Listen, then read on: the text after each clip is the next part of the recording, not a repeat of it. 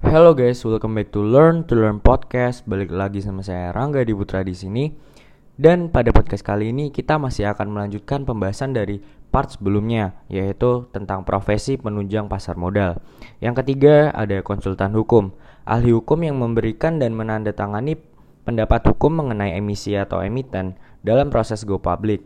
Konsultan hukum berfungsi memberikan pendapat dari segi hukum legal opinion mengenai keadaan emiten bagi yang belum meng mengenal apa itu go public, kegiatan penamaran umum yang dilakukan emiten perusahaan untuk mendapatkan dana dari masyarakat dengan menjual saham atau obligasi. Yang ketiga, yang keempat ada penilaian atau appraiser. Pihak yang memberikan jasa profesional dalam menentukan nilai wajar aktivitas suatu perusahaan, sementara penasihat investasi atau investment advisor yaitu lembaga atau perorangan yang memberikan nasihat kepada emiten atau calon emiten yang berkaitan dengan masalah keuangan, seperti nasihat mengenai struktur modal, yaitu menyangkut komposisi utang dan modal sendiri.